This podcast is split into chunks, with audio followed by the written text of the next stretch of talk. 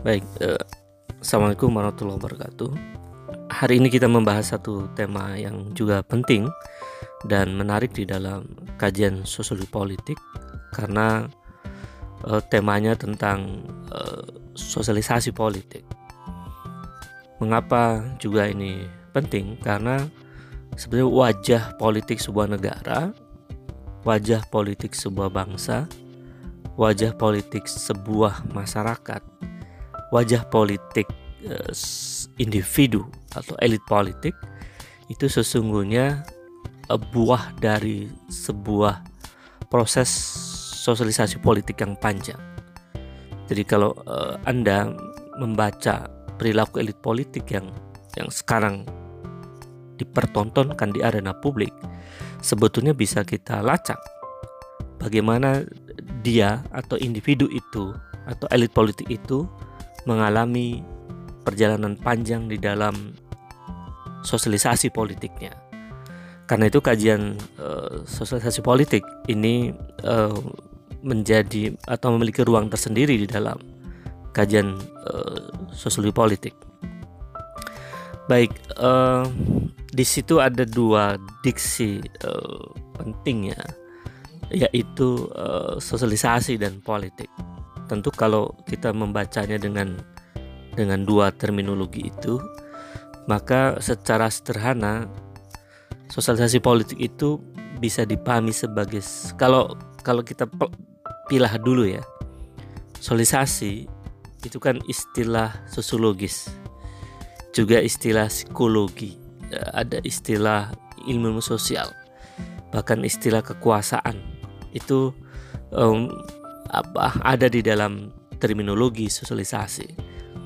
Maka sosialisasi itu secara uh, teoritik ada beberapa pemikir ya dari da, dari David uh, Eberly, kemudian uh, Eisenstein itu juga uh, berbicara soal uh, what the meaning is socialization.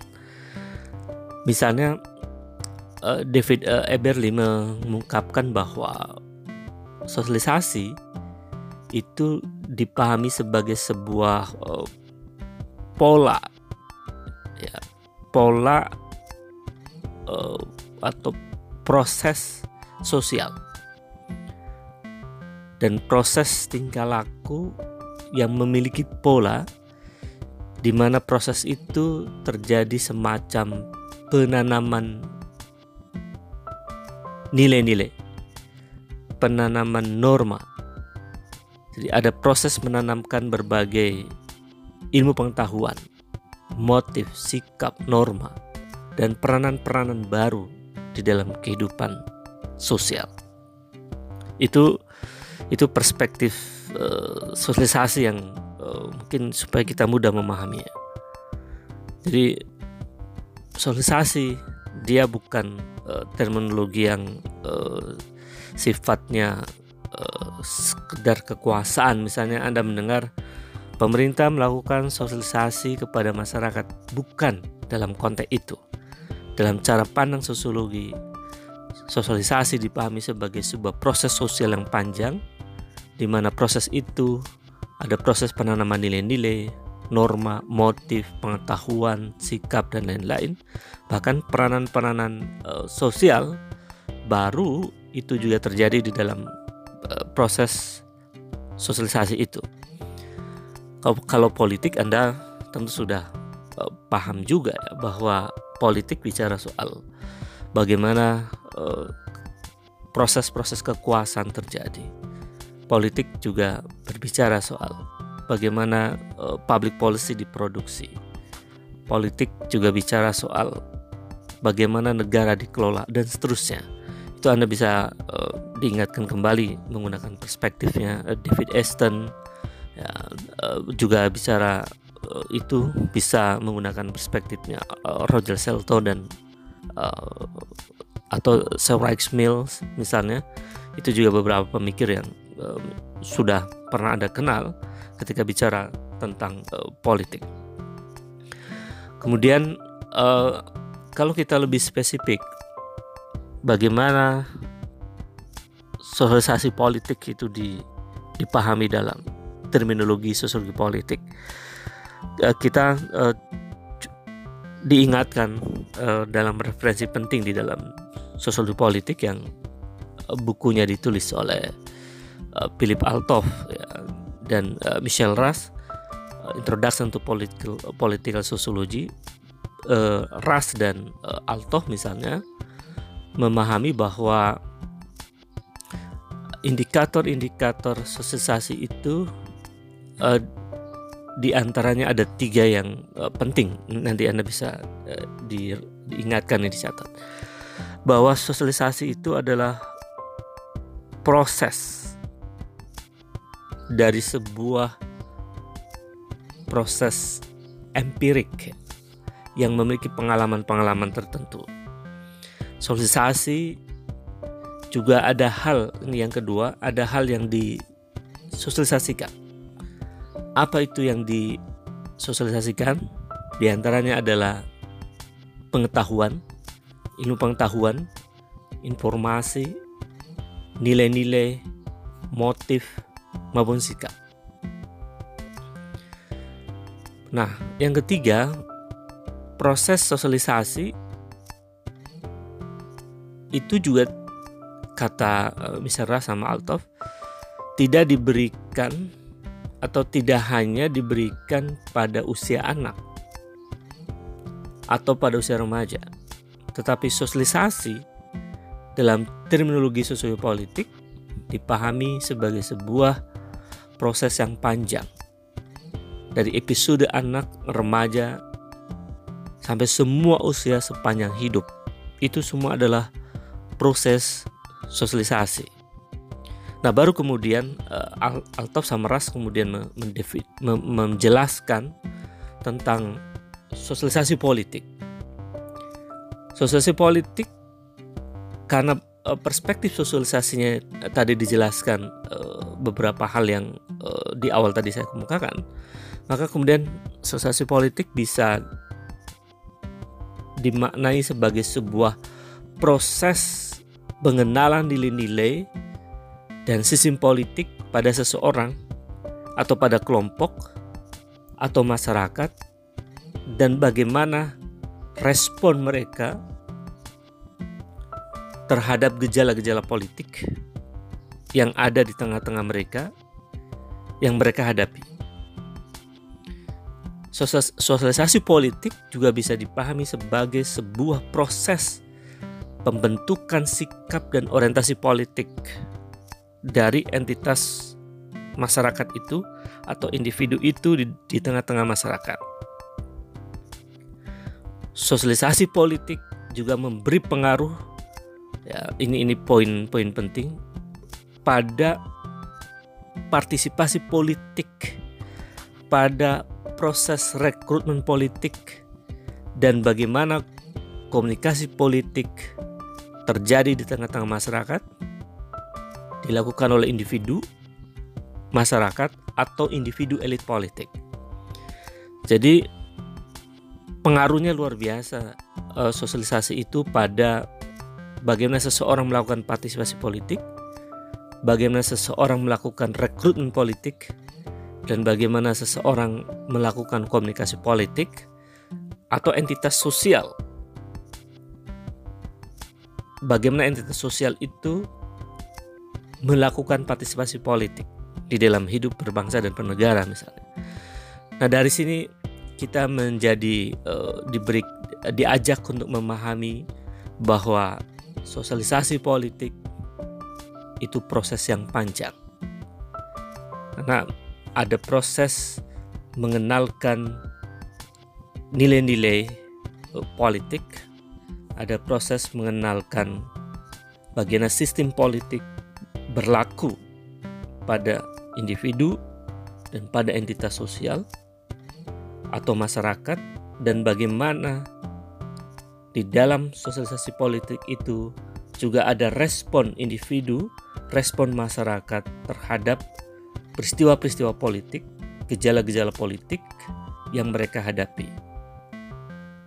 Di saat yang sama, sosialisasi politik juga ada semacam proses pembentukan sikap dan orientasi politik individu di tengah-tengah masyarakat itu. Jadi kalau melihat di masyarakat ada uh, orang merespon gejala politik itu sesungguhnya adalah bagian dari sosialisasi politik uh, dan seterusnya. Saya kira sementara sampai di sini dulu, nanti kita lanjutkan. Silakan kalau ada pertanyaan dulu.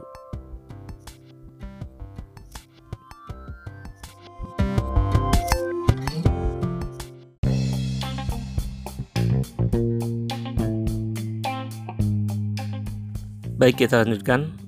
Um, jika sosialisasi politik itu diberikan uh, melalui sebuah proses yang panjang sepanjang hidup dan sosialisasi politik itu bicara bagaimana individu mengenal nilai-nilai politik, bagaimana individu merespon realitas politik, mengenal sistem politik, dan bagaimana individu mengalami proses pembentukan sikap dan orientasi politik sepanjang hidupnya, maka sesungguhnya sosialisasi politik itu memberi pengaruh pada bagaimana individu melakukan partisipasi politik, bagaimana mereka melakukan komunikasi politik atau melakukan aktivitas yang bermakna politik. Maka individu, elit politik atau masyarakat wajah politik mereka itu bisa dianalisis dari seberapa atau dari bagaimana mereka mengalami sebuah sosialisasi politik. Dan sosialisasi politik dalam konteks sosialisasi politik yang tadi dijelaskan berarti sosialisasi politik bukan sifatnya uh, uh, top down atau uh, indoktrinasi semata-mata. Tetapi dia adalah sebuah proses panjang yang alamiah eh, baik proses itu eh, bottom up proses itu prosesnya horizontal equal atau proses itu yang sifatnya eh, top down.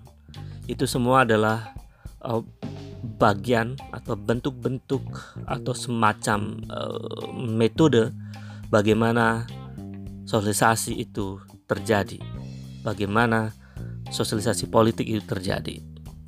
Jadi eh, baik dia melalui sebuah proses yang alamiah maupun eh, proses yang sifatnya eh, apa equal sejajar maupun proses yang sifatnya sangat struktural ya. Bottom up atau top down. Itu semua adalah bagian dari sosialisasi politik. Yang yang top down biasanya sifatnya dilakukan oleh pemerintah melalui sebuah proses pendidikan politik dilakukan oleh uh, partai politik melalui sebuah proses pendidikan politik dan seterusnya untuk mengenalkan nilai-nilai politik, simbol-simbol politik, sistem politik, langkah-langkah politik, uh, bagaimana mengenalkan uh, kekuasaan dan seterusnya. Itu sifatnya uh, top down, tetapi yang sifatnya alamiah dia terjadi melalui sebuah proses yang panjang dari uh, beberapa media atau agen dari sosial politik. Misalnya kalau kalau kita lihat ada beberapa media atau agen dari uh, sosialisasi politik itu di antaranya adalah keluarga, kemudian uh, struktur kekuasaan, pemerintah, kemudian partai politik, termasuk juga Eh, kelompok-kelompok uh, pressure group, ya, kelompok penekan. Itu itu agen, agen juga dari sosialisasi politik. Misalnya Anda aktif di organisasi mahasiswa yang orientasinya adalah orientasi pergerakan, itu berarti Anda sesungguhnya sedang melalui sebuah proses sosialisasi politik. Karena Anda masuk dalam uh, kelompok yang disebut dengan uh, pressure group kelompok penekan atau Anda misalnya masuk di dalam uh, kelompok kepentingan uh, interest group itu juga bagian dari agen sosialisasi politik. Karena di mana ketika Anda memasuki kelompok kepentingan di situ uh, Anda akan mendapatkan nilai-nilai bagaimana kepentingan itu diperjuangkan. Misalnya organisasi buruh misalnya itu masuk uh, buruh tidak hanya sebagai pressure group dia juga adalah interest group karena dia punya kepentingan memperjuangkan nasib buruh Nah, ketika Anda masuk ke arena itu, maka Anda juga sedang mengalami sebuah proses sosialisasi politik. Apalagi kalau Anda misalnya masuk partai, ya, partai politik juga sebagai agen atau media sosialisasi politik. Ya, di partai Anda dikenalkan dengan apa itu partai, bagaimana partai memperjuangkan uh, kepentingannya dan bagaimana partai memperjuangkan kepentingan orang banyak dan seterusnya. Selain itu, media massa juga sesungguhnya adalah sebagai uh, alat atau agen dari sosialisasi politik karena media uh, di situ ada fungsi informasi, media memiliki fungsi edukasi, media memiliki fungsi untuk memberi pengetahuan politik dan seterusnya. Maka media itu di dalam terminologi politik juga sering dikatakan sebagai salah satu pilar demokrasi karena media memberikan satu uh, satu area di mana masyarakat mendapatkan banyak informasi tentang uh, politik. Nah, uh, jika kita memahami bahwa media atau agen sosialisasi politik itu dimulai dari keluarga, maka sesungguhnya uh, setiap individu mengalami sosialisasi politik yang panjang. Ketika individu baru lahir, misalnya, sesungguhnya sudah mulai ada sosialisasi uh, politik. Ini Anda bisa uh, sebenarnya David Aston juga pernah bicara soal ini ya. Bagaimana sosialisasi politik itu terjadi.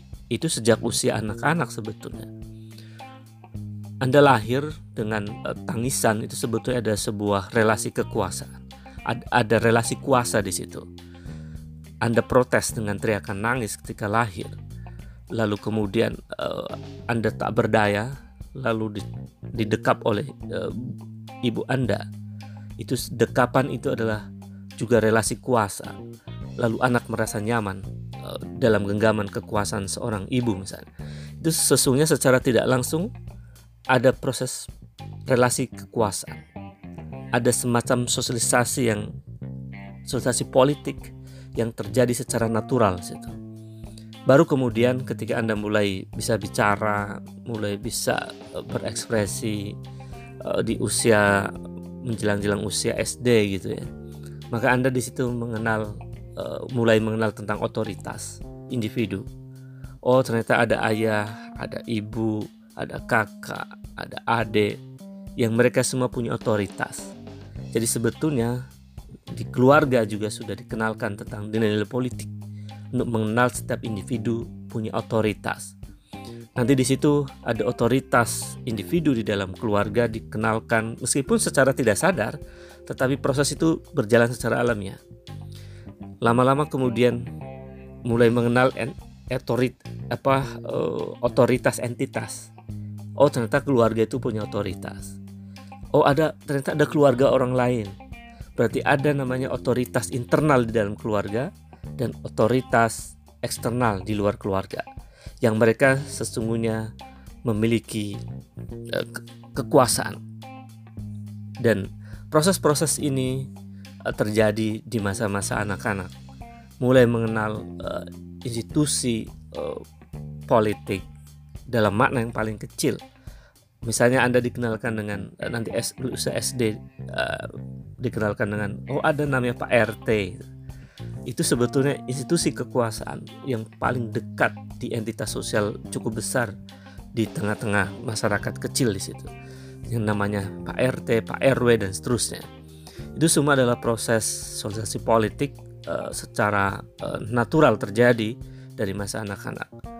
Dalam uh, kajian sosial politik itu disebut sebagai sebuah tahapan untuk mengenal dan membentuk identitas uh, politik individu di tengah-tengah keluarga maupun di tengah-tengah uh, masyarakat. Baru kemudian mulai remaja Anda mulai memahami secara lebih rasional tentang hal-hal yang terkait dengan relasi kuasa, hal-hal yang terkait dengan politik. Pada usia SMA misalnya mulai eh, bisa memilih sikap secara lebih independen, ya, secara lebih mandiri. Kemudian Anda mulai bersosialisasi membentuk kelompok-kelompok itu sebetulnya atau semacam peer group ya itu memberi pengaruh. Anda di situ muncul sebagai informal leader misalnya setiap kelompok ada pemimpinnya. Jadi ada proses-proses alamiah yang sebetulnya Anda secara tidak langsung uh, melekat pada diri Anda itu adalah watak politik, perilaku politik, sikap-sikap politik. Nah, kalau kemudian proses-proses ini berlanjut, Anda makin uh, apa usai SMA, lalu Anda uh, memasuki episode mahasiswa misalnya, maka di situ Anda mulai mengenal gerakan mahasiswa, mulai mengenal organisasi mahasiswa. Di proses-proses penanaman nilai politik itu mulai menemukan bentuknya yang paling konkret. Pada usia itu pula kemudian Anda usia mahasiswa semester pertama atau SMA kelas 3 bahkan mulai eh, dikenalkan dengan pemilu Anda kemudian sudah 17 tahun boleh ikut pemilu dan seterusnya. Itulah sikap-sikap politik. Nah eh, proses-proses sosial politik yang sedemikian panjang itu itu membentuk sikap politik individu. Apakah sepanjang proses ketika dia masa-masa anak-anak sampai dewasa itu dia mengalami proses politik, mengalami proses sosialisasi politik yang demokratis atau justru otoritarian? Atau uh, situasional. Ada kalanya Anda hidup dalam suasana yang sangat demokratis, ada kalanya ada kalanya Anda hidup dalam suasana yang otoritarian. Maka siklus sosialisasi politik yang sedemikian itu membentuk sikap politik Anda di kemudian hari. Jadi pribadi-pribadi yang diktator, otoriter itu itu dipastikan proses panjang dalam sosialisasi politiknya sepanjang hidupnya lebih didominasi oleh proses-proses otoritarian di dalam hidupnya, diktatorianisme di dalam hidupnya. Tapi jika Anda sejak kecil mengalami proses-proses sosial politik yang sangat humanis, sangat demokratis, sangat rasional, maka Anda akan menjadi pribadi yang memiliki sikap politik yang demokratis, humanis, dan rasional di dalam berpolitik. Kira itu jadi cara pandang kita memahami individu, elit politik, entitas sosial juga bisa kita lihat dari bagaimana mereka mengalami proses sosialisasi politik. Jika sosialisasi politik yang dilaluinya melalui sebuah proses sosialisasi yang sangat demokratis dan humanis, maka itulah akan melahirkan individu dan masyarakat yang kualitas demokrasinya akan lebih baik. Ya, kualitas politiknya akan lebih baik.